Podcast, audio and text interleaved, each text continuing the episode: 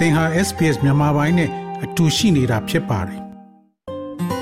SBS မြန်မာပိုင်းကို အင်ကာနဲ့စနေနေ့ည10:00နာရီမှနားဆင်နိုင်တယ်လို့အွန်လိုင်းကနေလည်းအချိန်မီနားဆင်နိုင်ပါပြီ။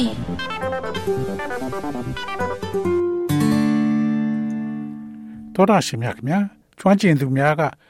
ယခုသတင်းပတ်များအတွင်းမှာ New South Wales မှာ COVID-19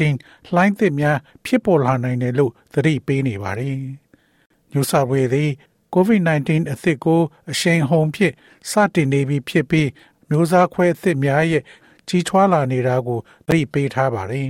။ကျမ၏အရာရှိများသည် လူများအား၎င်းတို့ရဲ့အစွမ်းထက်ဆေးများရရှိရန်တောင်းဆိုမှုများနှင့်ကူးစက်မှုဖြစ်ပွားတဲ့ခါတွင်အစဉ်တကျထားရှိရန်တောင်းဆိုမှုများကိုလည်းသက်တမ်းတိုးလျက်ရှိပါတယ်။လာမယ့်အားလရဲ့ယာတီနဲ့အတူ Sydney Sider တော်များများက SBS News ကိုပြောဆိုအမှာသူတို့ဟာပြင်းထန်တဲ့ကပ်ရောဂါရှိနေပေမဲ့ຫນွေရာသီမှာအနားယူနိုင်ဖို့အတွက်မျှော်လင့်နေတယ်လို့ဆိုပါတယ်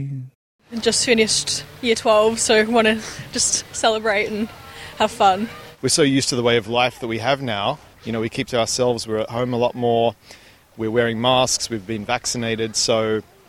I guess there isn't that much feeling of, of worrying about it so much. Just with all these variants that are coming out, there is a bit of hesit- hesitation, but you- we have to live with it, really. Yeah. အမျိုးသမီးတူကကျမဆက်နှစ်တန်းနှစ်ထဲရောက်နေပြီမဟုတ်လို့ပျော်ပျော်ရွှင်ရွှင်ဆင်နွှဲကျင်ပါတယ်အမျိုးသားတူယခုကျွန်တော်တို့ရှောက်နေတဲ့ဘဝပုံစံကိုအရန်ကျင့်သားရနေပါပြီအဲ့ဒါကကျွန်တော်တို့ကိုကာဝယ်ဆောက်ရှောက်ပေးမဲ့အတွက်ပဲဖြစ်ပါတယ် ကျွန်တော်တို့အိမ်မှာပုံနေရပါတယ်ကျွန်တော်တို့က mask တွေတတ်တယ်ကျွန်တော်တို့ကာဝယ်ဆေးထိုးပြီးပြီဒါကြောင့်စိတ်ပူစရာခံစားချက်ကတော့သိပ်မရှိဘူးလို့ထင်ပါတယ်အမျိုးသမီးကအခေါ်ဝေါ်ဤမျိုးကွဲများအားလုံးထွက်လာတဲ့အခါမှာအနှဲငယ်တုံဆိုင်သွားပါတယ်ဒါပေမဲ့ကျမတို့ကအဲ့ဒါနဲ့နေနေရမှာကတော့သိကြပါတယ်ဟုတ်ပါတယ်ညူဆဝေမှာကူးစက်မှုဒိုးလာတာကို တွေ့နေရပါတယ်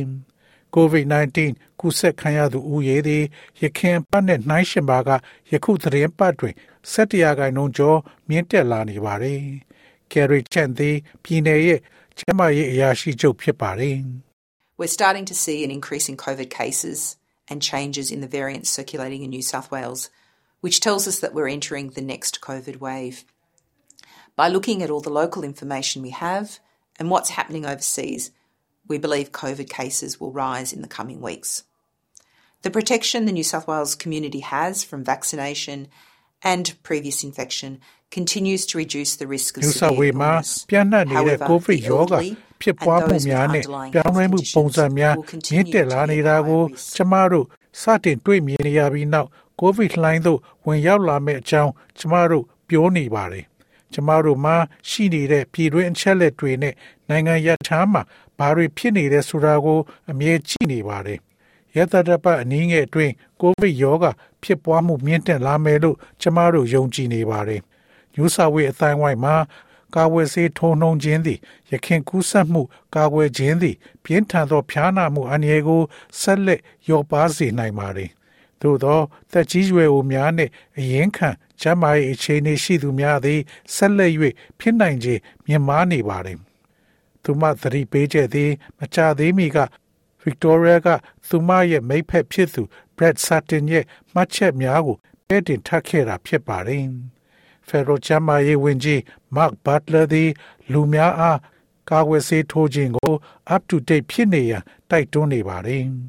There are still 5 million Australians over the age of 16 who are eligible for a third dose but have not yet had it. For many of them, it will be more than 12 months since they had their second dose. So, getting that third dose or fourth dose, if you're eligible for that and haven't had it, is going to be a very ဒါရီယာ important ချိန်ထိုး um, ရအ addition ရေး to ချင်း your ပြည့်မီတော့လေ protection. မ And ထိုးရ by သေး that, သောအ protection သက် of those 16နှစ် around ကျော်ဩစတြေးလျနိုင်ငံသား9သန်းကျော်ရှိနေပါသေးတယ်။သူတို့ထဲမှာ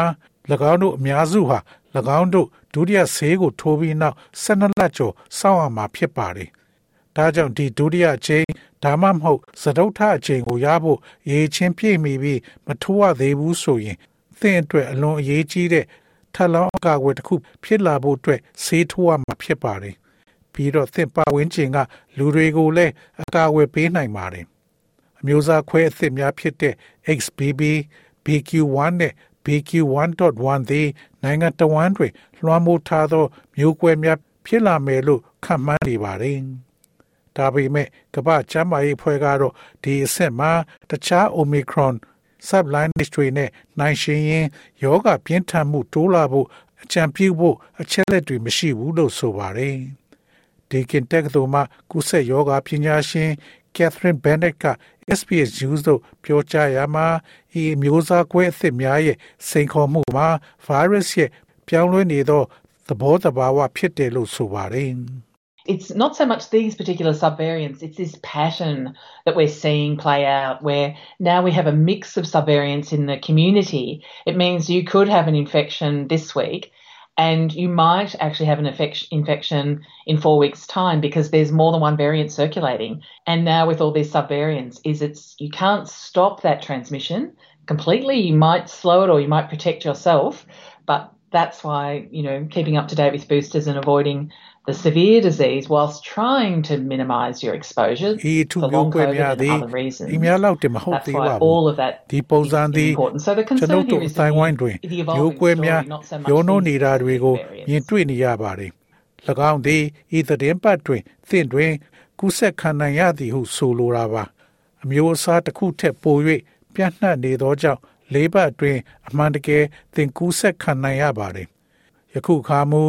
ဤအမျိုးကွဲအားလုံးဖြင့်ထိုကူးဆက်မှုကို လုံးဝရပ်တန်းလို့မရနိုင်ပါဘူး။သင်သည်၎င်းယောဂကိုနှေးကွေစေသည်သို့မဟုတ်သင်ကိုယ်သင်ကာကွယ်နိုင်တော်လဲ booster များနှင့်နောက်ဆုံးအခြေအနေများကို သိရှိပြီးပြင်းထန်သောယောဂကိုရှောင်ရှားရန် COVID နှင့်တခြားအကြောင်းများကြောင့်ကြာရှည်စွာသင်ထိတွေ့မှုကိုရှော့ချရန်ကြိုးစားပါထို့ကြောင့်အားလုံးကအရေးကြီးပါတယ်ထို့ကြောင့်ဤနေရာတွင်စိုးရိမ်စရာမှာ စင်ကဲဖြစ်စဉ်ဇလန်းတွင်သာရှိနေပြီးဤထူးခြားသော မျိုးကွဲများသိမရှိသေးပါဘူးတစ်ချိန်တည်းမှာနိုင်ငံအလိုက်လေးလာမှုနှစ်ခုမှ သူသေသနအသစ်တွင်ဩစတြေးလျနိုင်ငံသားသုံးပုံနှစ်ပုံကျော်သည် COVID-19 ကူးစက်ခံထားရကြောင်းတွေ့ရှိခဲ့ရတော့လဲအထူးသဖြင့်ကာဝယ်ဆေးမထိုးသေးသောကလေးငယ်များအပါအဝင်ကလေးများတွင် ဖြစ်ပွားမှုနှုန်းက90ရာခိုင်နှုန်းအထိဖြစ်ပါတယ်။ ဒေါက်တာအာချာနာကိုရာလာသည်အသက်3ညမှ16နှစ်ကြားကလေးများကိုအဓိကထားသူသေသနာပြုထားတဲ့အစီရင်ခံစာကိုဥဆောင်တဲ့သူတေသီဖြစ်ပါတယ်။ And in fact, what we found was that a lot of kids who were who didn't even know that they were infected have antibodies. And this is really important to, to understand things like severity of disease and hospitalization in children. So we know that children usually have mild infections, but when we looked at when we look at hospitalization da- data, we now know that hospitalization rates in children are even lower, and that really emphasizes the fact that yes, we've had SARS-CoV-2 around. Most kids become infected. ခံထားရ They've done မှန်းတောင်မ well သိ with တဲ့ it. ကလေးတွေအတော်များများမှာ antibodies တွေပါဝင်ပါတယ်ကလေးများမှာယောဂပြင်းထန်မှုနဲ့ဆေးရုံတက်ကုသခြင်းကဲ့သို့သော အရာများကို နားလေရန်ဒီအချက်ကအမှန်တကယ်အရေးကြီးပါတယ်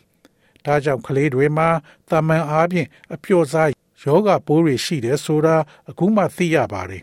ဒါပေမဲ့ဆေးရုံတက်ကုသရတဲ့အချက်လက်တွေကို လေ့လာကြည့်တဲ့အခါကလေးတွေမှာဆေးရုံတက်ရတဲ့နှုန်းကပိုတော့နည်းနေတယ်ဆိုတာကိုသိလာရပါတယ်။ဟုတ်ပါတယ်ကျမတို့မှာ SARS CoV-2 ကိုဗစ်ကူးစက်ရောဂါကို ဖြစ်စေတဲ့ virus ရှိတယ်ဆိုတဲ့အချက်လက်ကိုတကယ်ပဲအလေးပေးပါတယ်။ကလေးအများစုသည်ကူးစက်ခံရတော့လဲ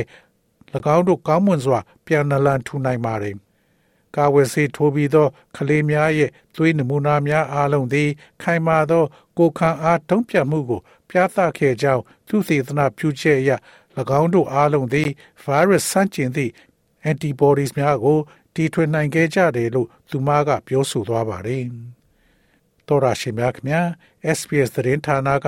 Lynn Evelyn ရဲ့ဆောင်းပါးကိုဘာသာပြန်တင်ဆက်ပေးထားတာဖြစ်ပါတယ်ခင်ဗျာ။ SBS မြန်မာပိုင်းကိုနားဆင်ရတာနှစ်သက်ပါတလား Facebook မှာဆွေးနွေးမှုတွေကိုဆက်ကြရအောင်ပါ SBS မြန်မာပိုင်း Facebook ကို like လုပ်ပြီးတော့သင်ချင်တဲ့ချက်ကိုမျှဝေနိုင်ပါတယ် SBS Bemis ကို Facebook မှာ share ကြည့်နိုင်ပါတယ်ရှင်